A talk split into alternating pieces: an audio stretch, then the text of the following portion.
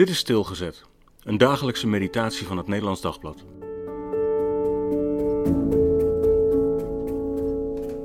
Bondgenoot 2 Samuel 3 vers 3 David kreeg in Hebron zes zonen. De derde was Absalom, een zoon van Maaga, die een dochter was van koning Talmai van Gesur. Zes zonen krijgt David in de beginperiode van zijn regering uit zes verschillende huwelijken.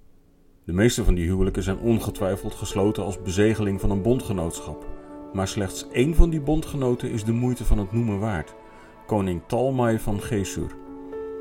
Inderdaad is dit bijzonder, want Gesur ligt aan het meer van Galilea, dus ten noorden van het gebied van Sauls zoon Isbozet.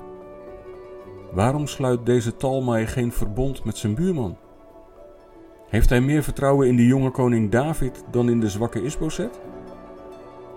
Maar Isbozet heeft wel de ervaren Abner in dienst. Talmai moet een goede reden hebben gehad om deze man te passeren.